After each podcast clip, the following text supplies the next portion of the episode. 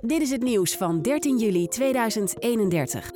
De NAVO heeft vannacht om 4 uur na een aanval van een Russische lange afstandsraket op Estland artikel 5 geactiveerd. Dat betekent dat de NAVO nu, na jarenlange aanhoudende spanningen tussen Rusland en de NAVO en de voortwoekerende oorlog in de Donbass, officieel in oorlog is met Rusland. Ingestelde westerse sancties bleken niet effectief en mondiaal gedragen. De Nederlandse regering heeft in navolging van Europese bondgenoten per vandaag de dienstplicht ingesteld. Dit is de crisis van de toekomst. Ik ben Robin Rotman en in deze podcast van het Nederlands Instituut Publieke Veiligheid bespreek ik met deskundigen hoe we in de toekomst om moeten gaan met verschillende scenario's waarin de crisis een hoofdrol speelt. Zijn we daar wel klaar voor? En vandaag hebben we het over de oorlog van de toekomst. Je moet beginnen met nadenken. Laat daar eens mee beginnen. Tegen een dikke boom gaan zitten en zeggen: waar staan we nu eigenlijk? Te gast Marten Kruijf, generaal buitendienst. Uh, Mart, ik, moest, ik zag jou een beetje grinniken hè, toen jij dit bericht hoorde. Ja, ik moest grinniken omdat we de dienstplicht gaan invoeren. Dat is dus een schoolvoorbeeld van de maatregel die veel te laat is. Die zijn gelijk om beginnen. Ik heb een paar vragen bij me van uh, jonge onderzoekers van het NIPV. Emily Bergen, Marten Lusink, Jana Dombroos. Ja, top. Het gaat over hun toekomst. Ja. Dit zijn de mensen die in de toekomst aan de touwtjes gaan trekken. Dit is een wereld die jij gaat achterlaten voor hen, hè? Oké, oké, oké. Ik vrees van wel. even, even dat nieuwsbericht, hè? Er is dus een aanval op Estland van de Russen. Ja. Er zijn sancties die geen effect hebben gehad. Het rommelt de kust kennelijk nog al jaren, nog tien jaar. Artikel 5 wordt van kracht. Een aanval op één is een aanval op ons allemaal. Ja. We zijn in oorlog met de Russen. Even los van die dienstplicht. Is dit een uh, realistisch scenario? Nou ja, soms heeft leeftijd een voordeel. Um, en wij leven in Europa natuurlijk in vrede, omdat we hebben geloofd in afschrikking. Mm -hmm. He, um, en en, en Poetin, maar niet alleen Poetin, ook het oude Rusland of China, dat zijn echt machtsdenkers. En dat is geen negatieve connotatie, machtsdenkers. Dus die denken als een tegenstander zwak is, dan grijp ik hem daaraan. Als wij dus heel weinig militair vermogen hebben, ziet zowel Poetin als China ziet het gebruik van militaire middelen als een volstrekt legitiem middel om je staatsdoelen te gaan bereiken. Het enige wat dan helpt is zeg maar, ja, maar luister, um, als jij ons aanvalt, dan krijg je hem driedubbel terug. Dat noemen we afschrikking. Nou, na de val van de muur zijn we dat een beetje kwijtgeraakt. Afschrikking was niet meer belangrijk. We zijn gaan afschalen. Er zou geen oorlog meer komen. Waarin hebben gefaald is dat we hebben erkend dat die slinger weer de andere kant op ging. Dat we in 2014 zagen dat Poetin wel degelijk bezig was met expansie. In dit geval in de Donbass. Dat hij Georgië en Wit-Rusland onder zijn controle bracht. Dat hij in Syrië uh, en in Libanon havens heeft aan de Middellandse Zee. Alleen, we hebben dat nooit gekoppeld in shit. We lopen achter, we moeten weer wat terug naar die afschrikking. En dat is best wel heel pijnlijk. Want uh, als we hadden geloofd in afschrikking en we hadden bijvoorbeeld vijf jaar terug tegen Poetin gezegd: luister, Poetin, we weten wat je wilt, want dat wisten we. Maar als jij ons gaat aanvallen, dan maken we je helemaal kapot. Had je het nooit gedaan. Denk je dat? Ja, dat denk ik. En degene die er onze lijden, en dat is het pijnlijke, zijn niet wij met onze verhoogde benzineprijzen en energiecrisis. Dat is vervelend. Maar het Oekraïense volk lijdt onder ons falen. Dat wij dit niet hebben zien aankomen. Hmm. En dat is heel pijnlijk. Dus Ik- de kracht van de NAVO, even terugkomen op dat, is dat je afschrikking hebt. Een geloofwaardige afschrikking. Dat is nou eenmaal in deze wereld, zoals het nu is, het enige middel om onze veiligheid te garanderen. Hopelijk wordt het ooit anders. Maar dat betekent dus... Oké, ik, ik, even terug. Want ik, ik kan me herinneren dat ik een jaar of twintig geleden werkte ik bij het Algemeen Dagblad. Ja. En toen eh, was er een keertje... er was iets aan de hand, ik weet niet eens meer wat. En ik interviewde Ab Oosterhuis. En die zei, het is niet eh, de vraag of er een pandemie van enig soort komt, maar de vraag is wanneer. En ik weet nog dat ik toen dacht van ja, whatever, dit is jouw werk om ons een beetje bang te maken en zo. En voilà, hij kwam een keer. Het duurde 20 jaar, maar hij kwam. Geldt dat ook voor zo'n oorlogsscenario, dat artikel 5, dat we echt een keertje aan de bak moeten, want die aanval komt en we gaan dus een keertje in dat conflict terechtkomen? Ja, of denk die, je van, die sleutel hebben we in eigen hand. Als wij twijfelen of we NAVO willen inzetten bij een artikel 5 als bijvoorbeeld de Baltische landen worden aangevallen, Mhm. dan geef je eigenlijk een vrijbrief om dat te laten doen. Dus dat betekent dus inderdaad, dus als er een keertje iets gebeurt en artikel 5 bestaat, eh, dan moet je ook, ook ballen tonen. Dan moet je gaan. Precies, dus je moet heel duidelijk zijn naar de Russen of naar China of wie dan ook, luister, als NAVO wordt aangevallen, dan gebruiken we alle middelen die NAVO heeft om die agressie tegen te gaan. Als je daar gaat twijfelen, dan maak je zwak. En ja, hoe het ook draaien en keren, in ons Europa hebben we natuurlijk heel veel oorlogen gezien, met twee wereldoorlogen ook nog een keer. Dat hebben we niet gezien vanaf 1945 om de simpele reden dat we afschrikking hadden wat ons verenigde binnen Europa en wat de Russen buiten de deur hield. Afschrikken betekent dus ook dat je het moet doen als de tijd rijp is. Zijn we daar klaar voor? Nee, we, dat, eigenlijk hebben we dat vergeten. En afschrikking betekent militair vermogen. Mhm. hè? Nou, binnen NAVO gaat het niet te technisch maken. Maar is de Verenigde Staten de enige die militair iets kan? Die kan boksen met twee handen. Europa als deel van NAVO kan eigenlijk helemaal niks. Dus we moeten die handschoenen weer helemaal gaan uitvinden. En dan even terug naar dat, eh, die glimlach over die dienstplicht. Moeten we dat eigenlijk een keertje gaan invoeren weer? Nou, ik, ik, je kunt uren praten over de dienstplicht, maar het militaire vak is echt een vak geworden. Hè? Als een soldaat gewond raakt op het slagveld, wil je dan dat hij behandeld wordt door een dienstplichtige die vier maanden opleiding heeft, of een combat lifesaver die BEG gecertificeerd is? Ik denk het laatste. Maar dienstplicht heeft wel een aantal grote voordelen. Namelijk dat je alle soorten in de maatschappij met elkaar gaat integreren. Mhm. Dat is hartstikke belangrijk om dat gemeenschapsgevoel te hebben. Je leert mensen hun eigen grenzen leren kennen. Dat is belangrijk. Het levert ook arbeidskrachten op. Oké, oké, nu, nu heb je het over dienstplicht en alle, alle redenen om het te kunnen doen. Kap je Nee. een beetje af, maar is, is een potentiële oorlog een reden om het te doen of niet? Nee, dan Dat ben je te laat. Ja, oké. Dat is mijn punt eigenlijk. Als je met maatregelen komt, als die oorlog is, dan heb je de boot gemist. Ik heb hier een vraag van eh, Jana klaarstaan. We zien nu dat we internationaal worstelen met de oorlog in Oekraïne en Rusland. Hoe zouden de geopolitieke verhoudingen in 2030 eruit moeten zien om dergelijke conflicten te voorkomen? Ehm, dan moet je als, Euro- als Europa, laat daar eens mee beginnen, moet je drie dingen doen. Zorgen dat je weer dingen kunt maken. Zorgen dat je een veiligheidsbeleid hebt. En zorgen dat je een defensiebeleid hebt. Dat je ook de troep hebt om dat te kunnen doen. Europa is ontzettend kwetsbaar. Omdat Mhm. we geen grondstoffen hebben. We maken heel weinig. En we hebben geen gemeenschappelijke visie. Dat maakt ons kwetsbaar. Oké, dan dat veiligheids- en defensiebeleid. Dat betekent dus dat we daar, hè, we, we denken over een aantal dingen na. We hebben een, op digitaliseringsniveau hebben we echt een, een gezamenlijk beleid. Maar op defensie eigenlijk niet echt, toch? Nee, hoe, dus- hoe zou dat er dan uit moeten zien? Nee, je moet beginnen is dat je eerst een gezamenlijk buitenlands beleid. Dat je weet als Europa wat je wil in deze wereld. En dan zeg je, en daar hebben we deze militaire middelen voor nodig. En als je dat van bovenaf doet, gaat het heel lang duren. Maar dat is wel zoals je het moet doen. Je Mhm. moet als Europa samenwerken. Je kunt toch niet uitleggen aan Amerikanen hè, dat wij 80 soorten verschillende panzervoertuigen hebben. En de Amerikanen die hebben er twee. Kost klauwen vol met geld, geeft geen effectief vermogen. Moet je echt anders doen. En dat is geen militair probleem. Wat militairen hebben aangetoond in Afghanistan bijvoorbeeld. Dat je met 24 landen tot op het laagst niveau kunt samenwerken. Met Duitsers, Nederlanders in één voertuig. Het is echt een politiek probleem. De politiek moet zijn zaken op orde krijgen. Europa moet zichzelf verenigen. Doen we dat niet, dan laten we een on- ontzettend kwetsbaar Europa achter voor onze kinderen en kleinkinderen. En waar gaat dat dan over? Gaat dat over een soort collectieve normen- en waardepakket eh, eh, benoemen met z'n allen en zeggen dat gaan we letterlijk te vuur en te zwaard verdedigen? Is, is dat het wat je zoekt? Nou ja, ik had een oud generaal die zei: normen en waarden heb je geen zak aan. Want die brengt de maatschappij in, in onszelf. Onze normen en waarden is bijna allemaal hetzelfde. Mhm. Eh, de vraag is: wat doe je ermee?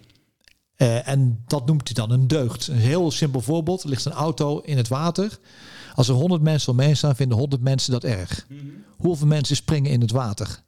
Dus het verschil tussen woorden en daden, dat is in Europa nog te groot. En je kunt alleen maar een Verenigd Europa krijgen als je bereid bent wat van jezelf in te leveren voor een groter geheel. Als we dat niet willen, gaan we geen Verenigd Europa. Maar dan moet je dus afspreken wanneer, gewoon letterlijk afspreken wanneer gaan we knokken of niet, toch? Ja, maar bijvoorbeeld ook wat nu gebeurt is dat de hele landmacht is helemaal deel van de Bundesweer eigenlijk. Mhm. Is helemaal geïntegreerd. Die kant moet je echt opgaan. Het, het, het, het kan niet anders meer als dat we dat als een landenprobleem zien. Veiligheid is een Europees probleem. Dus wat de defensie betreft moeten we onze nationale soevereiniteit opgeven en dan gezamenlijk een, eh, een- een beleid maken in Europa? Voor onze kinderen en kleinkinderen is dat de toekomst. Dat is Europa. En dan heb je ook nog zoiets als de NAVO. Hoe gaan die zich tot elkaar verhouden als het gaat over organiseren van de geopolitiek? Ja, nee, maar NAVO is cruciaal ook voor ons Omdat Amerika altijd ons veiligheids heeft geboden. Niet alleen door het militair vermogen, maar ook door kernwapens natuurlijk. Mhm. hè. En, en dus cruciaal dat je daardoor ook in de wereld toch een soort van evenwicht hebt eh, onthouden. Eh, die paraplu moeten we wel houden. Dus NAVO moet eigenlijk twee pijlers hebben. Een Amerikaanse pijler, die heeft het al. En ook een Europese pijler. Nou, daar moeten we heel rap wat aan gaan doen. Anders zakt het huis in. Technologisering speelt een belangrijke rol in, in alle aspecten van onze samenleving. Volgens mij is een bekende uitspraak. Hij wordt wel eens door eh, Breton, Eurocommissaris Breton, eh, geroepen. Volgens mij komt hij van een schrijver. Ik weet niet precies van wie. Eh, maar die gaat over zoiets als degene die de technologie mastert, mastert ook de geopolitiek. Is zeg maar de technologie, wordt dat zeg maar de schijf waarover we gaan battelen in de toekomst? Of waar gaan die, waar, waar gaan die knokpartijen eigenlijk over? Zeker, zeker. Eh, maar de vraag is of dat eh, beslissend wordt in oorlogen. Kijk, technologie kan ontzettend veel. Mhm. Eh, zeker als je de mens kwetsbaar maakt voor technologie. Een heel simpel voorbeeld. Als jij je jeugd niet vormt in de geschiedenis van je land, bijvoorbeeld, maakt je heel kwetsbaar voor fake news. Want je weet niet hoe je land is ontstaan. Je weet niet wat slavernij is geweest. Je weet niet wat de boerenoorlog is geweest. Je weet niet wat de Tweede Wereldoorlog is geweest. Dus je maakt je jeugd kwetsbaar als je niet de jeugd goed vormt. En ook wegwijs leert maken in waar kom je vandaan, wat is Nederland, wat hebben we gedaan, wat hebben we fout gedaan, wat moeten we in de toekomst doen. Maar dit gaat over onderwijs. Maar dat is heel belangrijk, want technologie met fake news kun je weghalen bijvoorbeeld door mensen zelf te laten denken, mensen te leren denken. Dus je moet mensen zeggen niet wat ze moeten denken, maar hoe ze moeten denken. Dan maak je mensen onafhankelijker van technologie. Anders ben je volkomen afhankelijk van technologie. En dat zien we ook in oorlog. Hè. Technologie speelt er een cruciale rol. Je hebt nu niet alleen een oorlog op land en eh, zee en in de lucht, maar ook in de ruimte en ook op cyber. Daar moet je wat mee. Maar dat moet je vooral internationaal doen. Moet je niet als Nederland zelf gaan doen in de ruimte en cyber. Is echt onzin. Dus begin daar nou gelijk Europees mee. Dat is ook een kans. Hè. Dan kun je gelijk goed vanaf het begin oppakken. Pak dat mee. Maar vergis je niet. En die oude Clausewitz, dat vinden wij als militaire een fantastisch type. Want die heeft heel goed nagedacht over oorlog. Overigens is een boek geschreven door zijn vrouw. Na Oh. zijn dood. Op, op. Maar het is altijd beslissend in oorlog is niet de technologie, vrij eh, vertaald, maar is de wil om te vechten. Want in technologie heb je altijd maatregel tegen maatregel. Dus je krijgt drones en dan krijg je een raket om drones uit de lucht te schieten. Altijd belangrijk, speelt een belangrijke rol. Je moet Wat dat technologie... betreft lijkt een type als Poetin eh, een streepje voor te hebben, toch? Eh, eh, zeker, zeker. Maar wij willen eigenlijk helemaal niet. Nee. hij hij heeft er scheid aan. Ja, precies. Ja, nee, maar goed. Je moet goed weten dat dus. En dat is ook wel het nadeel van Poetin. Want hij heeft wel een technologisch overwicht op de Oekraïne. Maar hij weet niet en waar dat komt dat. Om de Oekraïners goed leiderschap hebben en willen vechten voor Ook een die land. wil hebben. En als je die motivatie hebt, dan kun je de beste middelen hebben die je wilt. Amerika heeft verloren van Noord-Vietnam.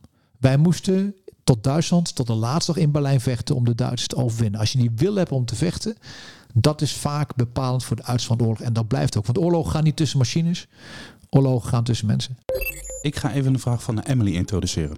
We zien dat alle aandacht zich nu logischerwijs richt op Oekraïne en Rusland. Welke geopolitieke conflicten denkt u dat we over tien jaar in het vizier hebben?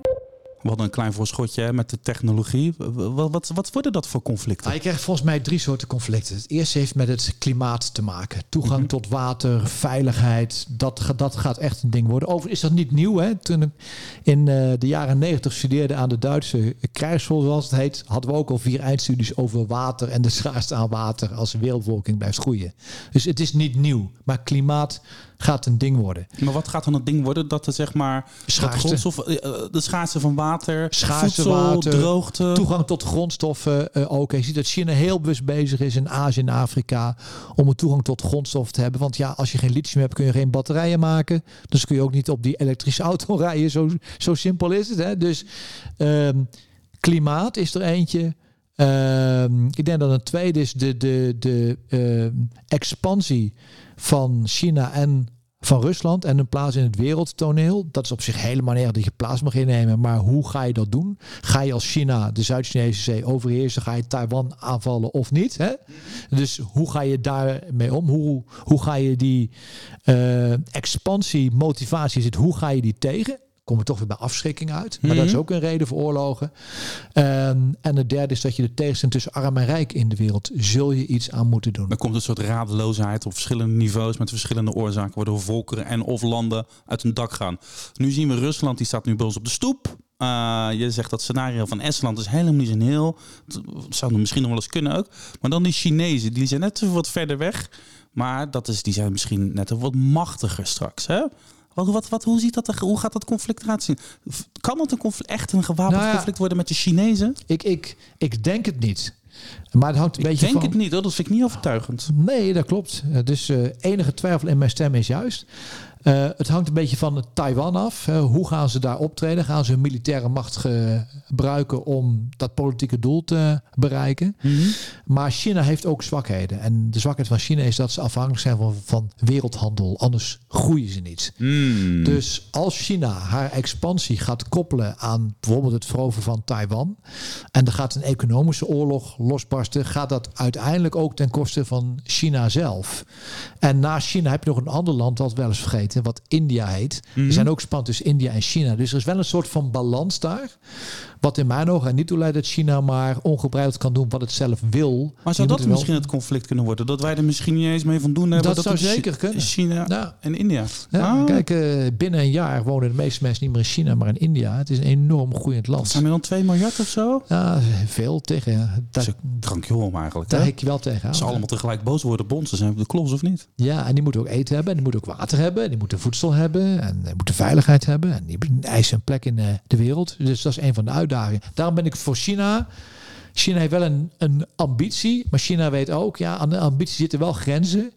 Want wij zijn zo afhankelijk van die handel. Als we dat niet meer hebben, dan valt die groei daar weg. Over, over 10, 15 jaar krijgen wij dan ook nog andere bondgenoten. Gaat, dat, gaat, dat, gaat die kaart er ook anders uitzien? Nou, eigenlijk hebben we die al een beetje. Hè? Ik bedoel, eh, Australië is geen lid van de NAVO, maar is eigenlijk gewoon een bondgenoot. Hè? Die gaat overal waar wij gaan.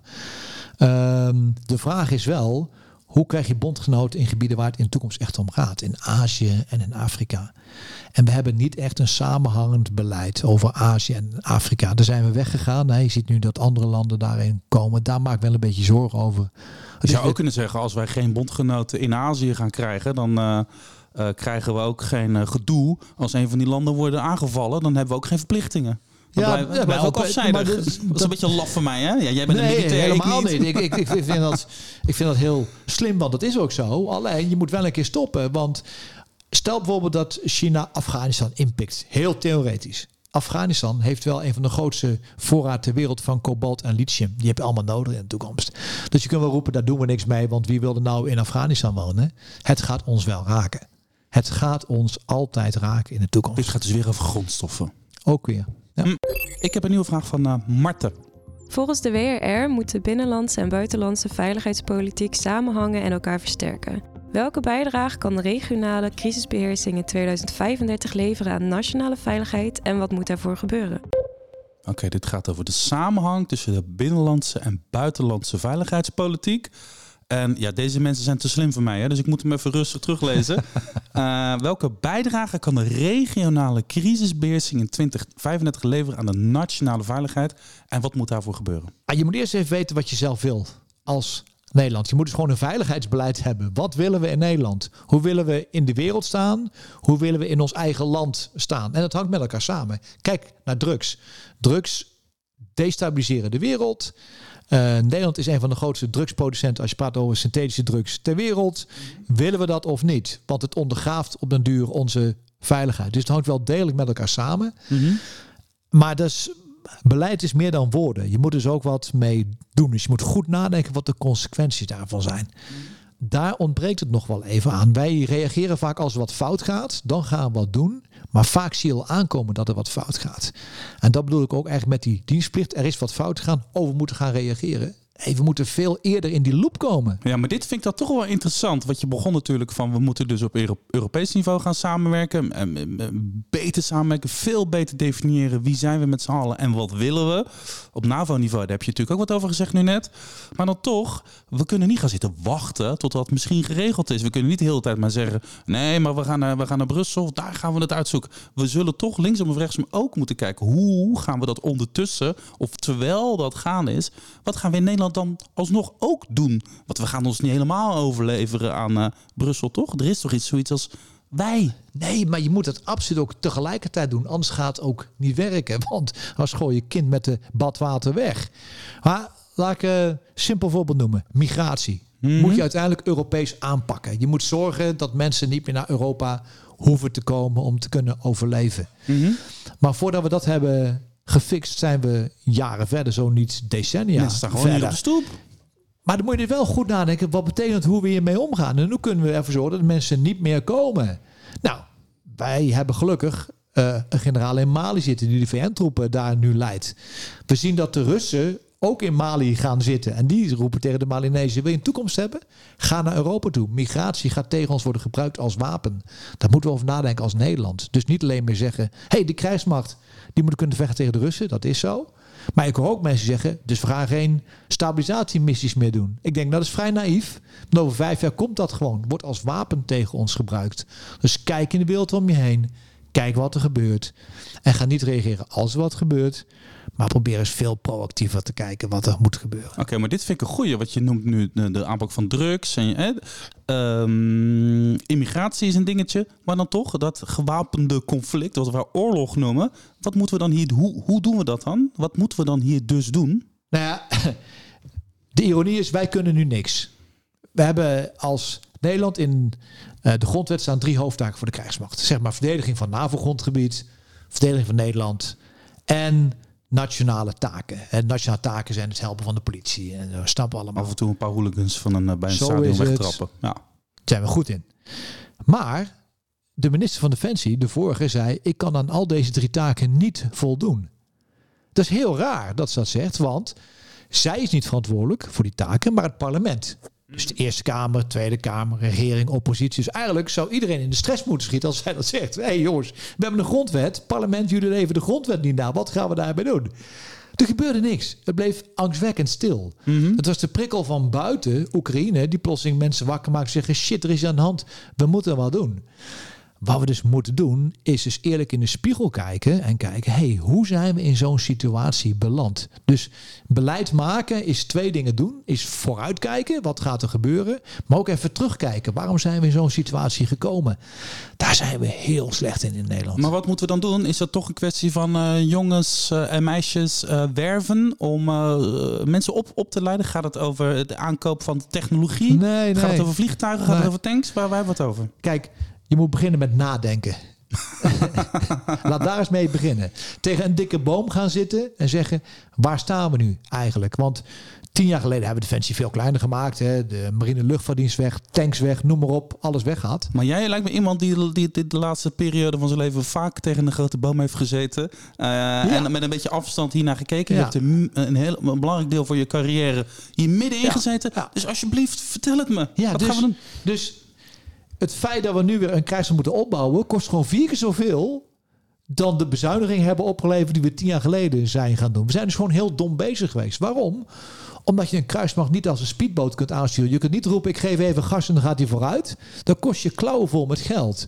Dat doen we dus gewoon verkeerd. Kortom, je moet de krijgsmacht anders aansturen. Ik zeg niet dat er meer geld naartoe moet. Maar die moet echt een lange termijnvisie hebben. Want de onderzeeboot bouw je niet in twee jaar. Hè. Dat, duurt, dat duurt twintig jaar. Moet je heel, heel anders mee omgaan. Maar hetzelfde geldt voor de, voor de, zorg. Of met de boeren. Het probleem met de boeren wat we nu hebben... is een probleem wat we al twintig jaar zagen aankomen. Alleen we zijn nooit even tegen die dikke boom gaan zitten... en zeggen, hoe gaan we hier nou mee om? En we gaan pas fladderen als er wat fout gaat. En dan ben je te laat. En dat heeft ook dus met crisis te maken. Hè? Crisis is eigenlijk standaard. We hebben een bankencrisis gehad. We hebben Charlie Hebdo gehad. We hebben de MH17 gehad. We hebben COVID gehad. Nu hebben we de Oekraïne-crisis. Telkens gaan wij uitvinden hoe we met een crisis omgaan. Ja, jongens, dat is niet meer van deze tijd. Hou vast, hou vast, hou vast. We gaan eventjes ik vast. Dan gaan we, dit, gaan we hierop verder. Let op. Hoewel we sommige trends kunnen zien aankomen, lijken we ook telkens weer verrast te worden door gebeurtenissen. Hoe kunnen we organisaties zoals veiligheidsregio's zich voorbereiden op onvoorspelbaarheid en onzekerheid? Dus Marten wist dat je met dit verhaal ging komen. Wederom de vraag, hoe bereid je je voor op een crisis waarvan je weet dat die komt, maar je weet niet wat het is. Dus Ja, het is, het is, eigenlijk is het te simpel voor woorden. Organiseren en plannen. Zo, zo simpel is het. Dus wij zijn de eerste twee dagen van de crisis in Nederland kwijt om te overleggen wie nou de baas is in een crisis. Je moet gewoon een staande crisisorganisatie Dat had hebben. je al kunnen weten. Had Dat- je kunnen weten. Ja. Je moet een staande crisisorganisatie hebben. Die kun je opblazen als nodig is. Maar die discussie moet je niet meer hebben. Dat is één. Je moet het gewoon goed organiseren. Hebben we niet gedaan. En het tweede is, je moet oefenen. Plannen is niks anders dan wat voor scenario's komen er? Hoe kan ik daarmee omgaan? En de scenario's komen altijd anders. De werkelijkheid is altijd anders, maar je kunt oefenen. Laat ik een heel simpel voorbeeld noemen hoe je kunt oefenen. We weten nog de slachtoffers van MH17 die terugkwamen op Eindhoven vliegveld. En we weten misschien wel die ceremonie van al die kisten die uit die vliegtuigen Ja, kwamen. dat was indrukwekkend. Indrukwekkend. Maar dat kon alleen maar binnen een dag worden georganiseerd omdat we dat plan klaar hadden liggen. We, hadden hebben een plan liggen waar we dachten, hé, hey, wat doen we als in Afghanistan een helikopter met 40 Nederlandse militairen neerstort? Hoe gaan we daar dan mee om? We hadden het scenario liggen. We trekken het uit de planken, we hebben het doordacht en je kunt het doen. Het is gewoon plannen. Maar dat betekent dus dat je ook, niet alleen in de veiligheidsregio's die we hebben, maar vooral landelijk, ook zo'n crisisorganisatie moet hebben die voortdurend aan het plannen is. Wat kan er gebeuren? hey, COVID komt terug. Oké, trek uit de kast. Plan COVID B. Wat doen we dan? Het kraakt een beetje bij mij. Oké, je zegt je kan het organiseren, je kan een soort crisisorganisatie optuigen. Je weet niet precies wat die crisis is, maar je kan wel eh, een clubje mensen, eh, een soort telefoonboom kun je al bouwen. Is dat dan één vanuit de overheid één organisatie die welke crisis het ook is, Ja. in ieder geval eh, in Ja. theorie weet hoe het moet en dan de verantwoordelijke ministers gaat bijstaan? Of is Ja. het elke ministerie, elke organisatie de eigen organi- crisisorganisatie? Nee, plannen is een vak. Mhm. Dus het is echt een vak. En er zijn heel weinig mensen in Nederland die leren plannen. Eigenlijk het enige volk wat in de DNA plannen krijgt zijn militairen. Niet omdat die beter zijn, maar die plannen. En die doen altijd met de plannen drie dingen. Dat is eerst is, wat moet er nu gebeuren vandaag de dag? Nou, dat, dat, dat kunnen ook anderen. Het tweede is, wat moeten we over drie maanden en zes maanden doen? En de laatste is, en we gaan het 24-7 ook doen. We gaan geen tijd verloren laten, we gaan het doen. Die structuur van hoe je moet plannen, laat die gewoon vastzetten. Hoeven geen militairen te doen, maar zet die vast. Afhankelijk van het thema haal je daar experts bij. Als het geneeskundig is, dan haal je daar leden van het OMT bij. Maar Als dit is het, bijna een soort staatssecretaris van crisis of zo die je de- moet hebben. Oh, wat zou dat handig zijn? Ja, dan ben je Ja, dat? ja. Ah, want, maar ik zit dan... Ik, ik maak nu deze serie podcasts. Hè? Met Ja. jou bespreek ik nu Ja. de oorlog van de toekomst. Die crisis. Ik heb met Paul het Hart een opname gemaakt over de beleidscrisis. Dat is zeg maar de crisis binnen de overheid. Ja. Als de overheid bij een andere crisis niet Ja. een deel van de oplossing is, maar een deel van het Nee. probleem, noemen we dat een beleidscrisis. Ehm, eh, eh, je hebt de Black Swan crisis. Dat is zeg maar de, het evenement waarvan je die is nog weirder. Je hebt er geen benul. En de, maar dat zijn allemaal crisis eh, die zich zeg maar op verschillende snelheden bewegen. De klimaatcrisis is dus de creeping Ja, crisis. Ja, zeker. Maar dan zeg jij, voor al dat soort verschillende crisis, al die verschillende soorten dynamiek, je zou eigenlijk een soort staatssecretaris moeten hebben die met zijn of haar team eh, constant die crisis monitort, eh, test, oefent, eh, mensen uitnodigt om mee te doen, veiligheidsregio's, dat niet- zoiets? Als je praat over lange termijn dingen, moet je dat daar niet neer, neer, neerleggen. Daar, daar is zo iemand ook niet voor. Hè? Je Mhm. mag ervan hopen dat bij het ministerie van Buitenlandse Zaken zoveel expertise zit die zegt: oké, waar moeten we over twintig jaar in de wereld zijn? Dat gaan we doen. Maar ik constateer telkens dat we als we een crisis hebben van iets wat volkomen onverwacht over ons heen komt en onze maatschappij echt ontwricht, dat we eerst 48 uur om ons heen staan te kijken als een apenberoeste horloge van wat gaan we nou doen? Even shit, we zijn vergeten die En brandweeroefening te wie is hier de baas? En wie heeft hier de leiding? En wie gaat hier plannen? Dat is zonde. Die tijd die geef je eigenlijk weg. Laat me een heel simpel voorbeeld noemen. Vroeger had je gewoon een lijn met vaste telefoonnummers. Een vast telefoonnet. Werd door de PTT beheerd. Dus niet digitaal, maar een analoog net. Met andere woorden, als er een digitale crisis kwam... kon je vanuit Den Haag nog met elke gemeente bellen. Want je had die vaste lijn. Die vaste lijnen hebben we niet meer. Die hebben we ingeleverd. Dus hoe communiceer je in oorlogstijd of met een andere crisistijd met je mensen vanaf de regering? Dat kunnen we eigenlijk niet meer. Dat, dat, dat soort simpele dingen Dat kan je organiseren. kun je allemaal organiseren. Dit gaat allemaal over de overheid en dat is belangrijk. Maar wat, wat kunnen we eigenlijk zelf doen? Stel nou, je luistert die podcast. je- maar we zijn natuurlijk erg goed in om te zeggen... de overheid moet het regelen. Eh, Dan heb je eh, misschien onderwijsinstellingen die zeggen... die vragen verlangen van de overheid dat zij een plan maken. Terwijl ze misschien zelf natuurlijk ook eh, bezig zijn met plannen. Wat kunnen we nou eigenlijk zelf doen? Ja, ik, ik, het eerste zou ik zeggen op zijn achterhoeks wat minder nuilen. Minnen nuilen? Minnen nuilen. En, en nuilen is zeuren. Wij zijn erg kwetsbaar geworden. Wij zijn, wij zijn een land wat heel veel klaar. Als je op missie bent geweest en je komt terug in Nederland, dan valt je op dat alles is crisis. We hebben een schoolcrisis, we hebben een kinderopvangcrisis, we hebben een zorgcrisis. En je denkt, ja, over welke crisis praten we eigenlijk? Eh, je komt uit Afghanistan, je ziet daar een onderwijzer in 60 graden hitte met een krijtje de hele dag lesgeven aan 80 kinderen. En bij ons is het probleem dat we geen ventilatie in de school hebben. Is een probleem van een hele andere orde. Het gaat over semantiek dus ook en het gaat over perceptie ook eigenlijk. Ja, we zijn on ontzettend kwetsbaar geworden. Uh, omdat we, uh, en, dat, en dat, uh, dat komt door het klagen. En dan vraag je af, waarom klagen we nou zoveel? Kunnen we zo weinig hebben? Nee. Maar ik denk dat we te veel te verliezen hebben waardoor mensen klagen. Dat is één. En de tweede is, we zijn een beetje weggedreven van het mensen op hun kracht aanspreken. Laat ik een voorbeeld noemen. De COVID-crisis. Op een gegeven moment zegt onze minister-president: Wij zijn er zelf ook klaar mee. Wij zijn er zelf ook zat. -hmm. Ik vind dat op grond van mijn ervaring en mijn persoonlijke mening echt totaal fout. Je moet iemand hebben die zegt: luister, wat er ook gebeurt, wij kunnen dat met z'n allen aan. Ook als er een tweede golf komt, een derde golf of een vierde golf, wij fixen dat met z'n allen. Dit gaat over communicatie. Ja. Laten we naar Jana gaan, die gaat hierop door.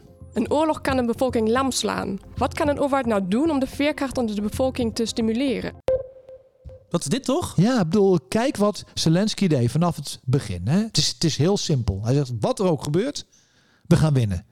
Wat er ook gebeurt, wij geven niet op. Wat er ook gebeurt, wij gaan vechten. Die houding heeft natuurlijk een enorme impact gehad. Niet alleen op uh, Oekraïne zelf, maar ook op de landen daaromheen. Die vastberadenheid.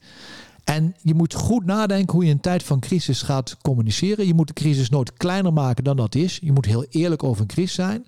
Maar je moet vooral de mensen aanspreken in hun kracht. En niet gaan lopen meehuilen met de wolven in het bos als leider. En communicatie is cruciaal, dat is één. En met één stem praten, dat is twee. En mij heeft altijd verbaasd dat tijdens de COVID-crisis, als er een besluit werd genomen door de regering, zag je alle OMT-leden en burgemeesters, zag je een eigen stand te nemen. Absoluut fout. Dat natuurlijk moet je inbreng hebben. Voordat je een besluit neemt, moeten burgemeesters hun zegje kunnen doen. En OMT-leden hun zegje kunnen doen. Daar is geen discussie over. Maar als een besluit is genomen, dan is dat het besluit. Want het ge gevolg is dat iedereen roept, ja, ze snappen het zelf ook niet. Nou, het typisch van een crisis is dat je besluit op grond van 50% van de informatie. Dus je moet ook een beetje gokken. Mm -hmm. Maar daar kan je natuurlijk ook transparant over zijn. En dan moet je heel, heel eerlijk zijn. Wij denken dat we hiermee het beste doen, weten het niet zeker. Maar, en als iedereen daarachter staat, de burgemeester en het OMT, heb je gewoon veel minder onzekerheid. Oké, okay, dit is gedurende de crisis. Ja. Het gaat over de communicatie tijdens de crisis. Het gaat over één mond, het gaat over duidelijkheid, het gaat over transparantie en eerlijkheid. Er is natuurlijk ook een belangrijk deel als het gaat over veerkracht onder de bevolking. Ga ik deze vraag van Jana een klein draadje geven. Je moet je natuurlijk ook voorbereiden op die crisis. Dat is waar deze podcast over gaat. Ja. Hoe kan je nou als overheid uh, de bevolking klaarmaken? Hoe communiceer je dat zonder dat je misschien mensen onnodig bang maakt? Hey, zet mensen in hun kracht. Ik ga even een zijweg nemen. Mm. Invictus Games in Den Haag. Dat, is, dat zijn de spelen voor... Uh, voor gehandicapte militairen die fysiek of mentaal gewond zijn Voilà, ja. Neem er 500 aan deel en 1000, zeg maar, noemen ze dat friends and family. Dus Mhm. vrienden en naasten. Dat zijn allemaal mensen die zijn in een gat gedonderd. En soms kan het één of drie of vijf jaar duren, maar ze kruipen er zelf uit.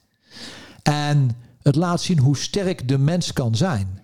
En wij spreken de mens heel vaak aan, collectief, op wat hij niet goed doet.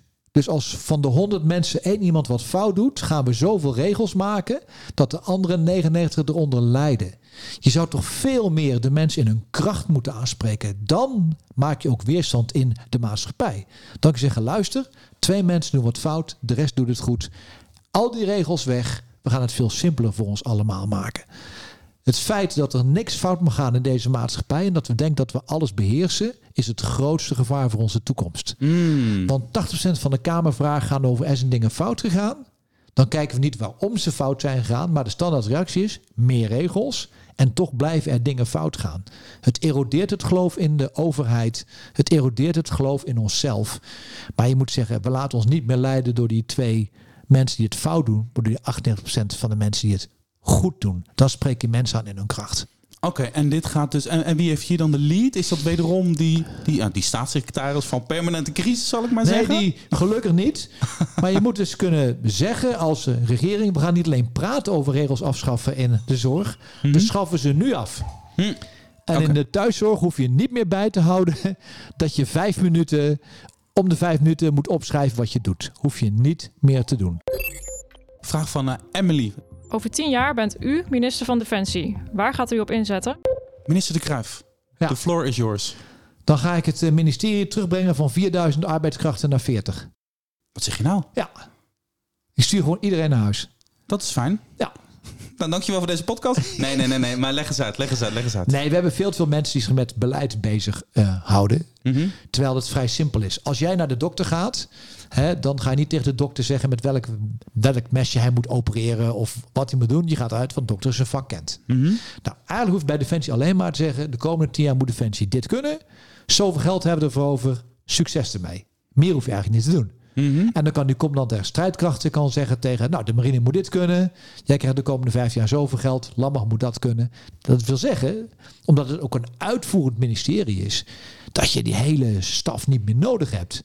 Als je 40 mensen hebt om even na te denken, hoe staat de wereld er over 40 jaar bij? Dan ben je eigenlijk klaar. Mhm. Dus je kunt het hele ministerie kun je helemaal terugbrengen. Oké, maar dit gaat over de organisatie van het ministerie. Nee, doe je ook veel, veel effectiever namelijk. Je, je koppelt namelijk verantwoordelijkheid aan bevoegdheden. Dus zo'n commandant van de landmacht, die Mhm. heeft nu een heleboel verantwoordelijkheden, maar geen bevoegdheden. Die mag eigenlijk niks. Terwijl je zegt, hey, jij krijgt straks zo... Dit is eh, tricky, hè? Verantwoordelijkheden zonder bevoegdheden. Oh, dat me- is fnuikend. Ja, dat is, dat is fnuikend. Maar als je dus die beide aan elkaar koppelt, zegt tegen de commandant van de marine: hey, je hebt de komende 15 jaar zoveel geld. Jij bent de vakman. Of jij nou onderzeeboot nodig hebt of vergatten, jij moet het uitmaken. Niet wij, jij bent de vakman. En dan zul je zien dat hij veel creatiever gaat worden dan tot nu toe om het geld optimaal te besteden. Zeker als hij het mag houden als hij slim is. En dan krijg je een hele andere organisatie. Hele andere organisatie. Veel efficiënter. Dan ga je samenwerken. Ik durf te wedden hè, dat je dat doet. Kijk naar de landmacht. Dan ga je geen eigen voertuigen meer kopen. Maar je koopt de Duitse voertuigen met een Ah, Nederlands stickertje erop. Dus jouw ministerie werkt samen veel beter met eh, andere Europese landen, andere NAVO-landen. Wat, wat, wat, wat moeten we kunnen? Moeten we veel meer van cyberverstand hebben? Of moeten we toch die tanks nu Ah. gaan besturen? Wat gaan we doen eigenlijk met Alles. ons ministerie? Alles. En dan kom ik weer bij die oude Clausewitz uit. Die was niet zo dom. Die zegt, je wordt gepakt daar waar je zwak bent. Dus als jij op zee zwak bent, in lucht zwak bent, land zwak bent, cyber of ruimte, dan word je daar aangepakt. Als Nederland hoef je overigens niet alles te doen. Hè? Maar binnen Europa moet je wel al die dimensies moet je wat kunnen doen. En dan moet je kijken waar is Nederland nou goed in? Wat ze Nederland nou kunnen? Weet je waar wij goed in zijn? In onze mensen. Onze mensen zijn goed. Als ik kijk naar de krijgsmacht zijn onze mensen goed. hè. Die kun je eigenlijk overal wel neerzetten. Dan zou je zeggen, nou dan investeren wij daar en daar zijn wij goed in. En misschien zijn de Belgen wel goed in cyber, geen idee. Maar dan betalen wij mee aan de Belgen. Doen de Belgen Dat, cyber. dat gaan we samen doen. Oké, we hebben net een paar vragen beantwoord van eh, drie jonge onderzoekers van het NIPV. Het slotwoord voor deze jonge mensen, het is hun wereld. Ik zit er een beetje tussenin en jij bent iets ouder dan ik. Zijn ze weer wat jonger dan ik? Ik ben 41. Wat, wat, wat is je laatste boodschap voor deze jonge mensen? Wat voor wereld laat jij achter voor hen? Nou ja, eh, ik denk niet dat ik de goede wereld voor en achter hou. Maar ik wil één ding meegeven. Als je nu jong bent, leef je 80 jaar in vrede. Je leeft 80 jaar in vrede omdat er een heleboel offers voor zijn gebracht. Dat is echt een zegen. Dat is echt een zegen. Wat we niet goed hebben gedaan is zorgen dat we de komende 80 jaar weer vrede hebben. Maar ik zeg, als je de durf hebt om je lot in eigen hand te pakken. Als je dat durft en je durft vooruit te kijken. En je durft te kijken naar wat er kan in plaats van wat er niet kan. En je gaat niet bezighouden met de dingen goed te doen, maar de goede dingen te doen. Dan ligt er in deze wereld een fantastische toekomst. Dankjewel, Marten Kruijf, generaal buiten dienst. Dankjewel ook Emily Berger, Marten Lusik en Jana Domroos voor jullie mooie vragen. We horen deze dames ook weer terug in de andere afleveringen. En die kan je terugluisteren, de crisis van de toekomst. Ik zei het net al, die gaat over de beleidscrisis. Die gaat over de Black Swan crisis. We worden overvallen door iets wat we nog nooit eerder hebben meegemaakt. Allemaal hele interessante mensen met die hele verstandige dingen zeggen. Ga hiervoor naar de website van het NIPV of je favoriete podcast app. Dankjewel en tot de volgende keer. Dankjewel. En meiden, sterkte.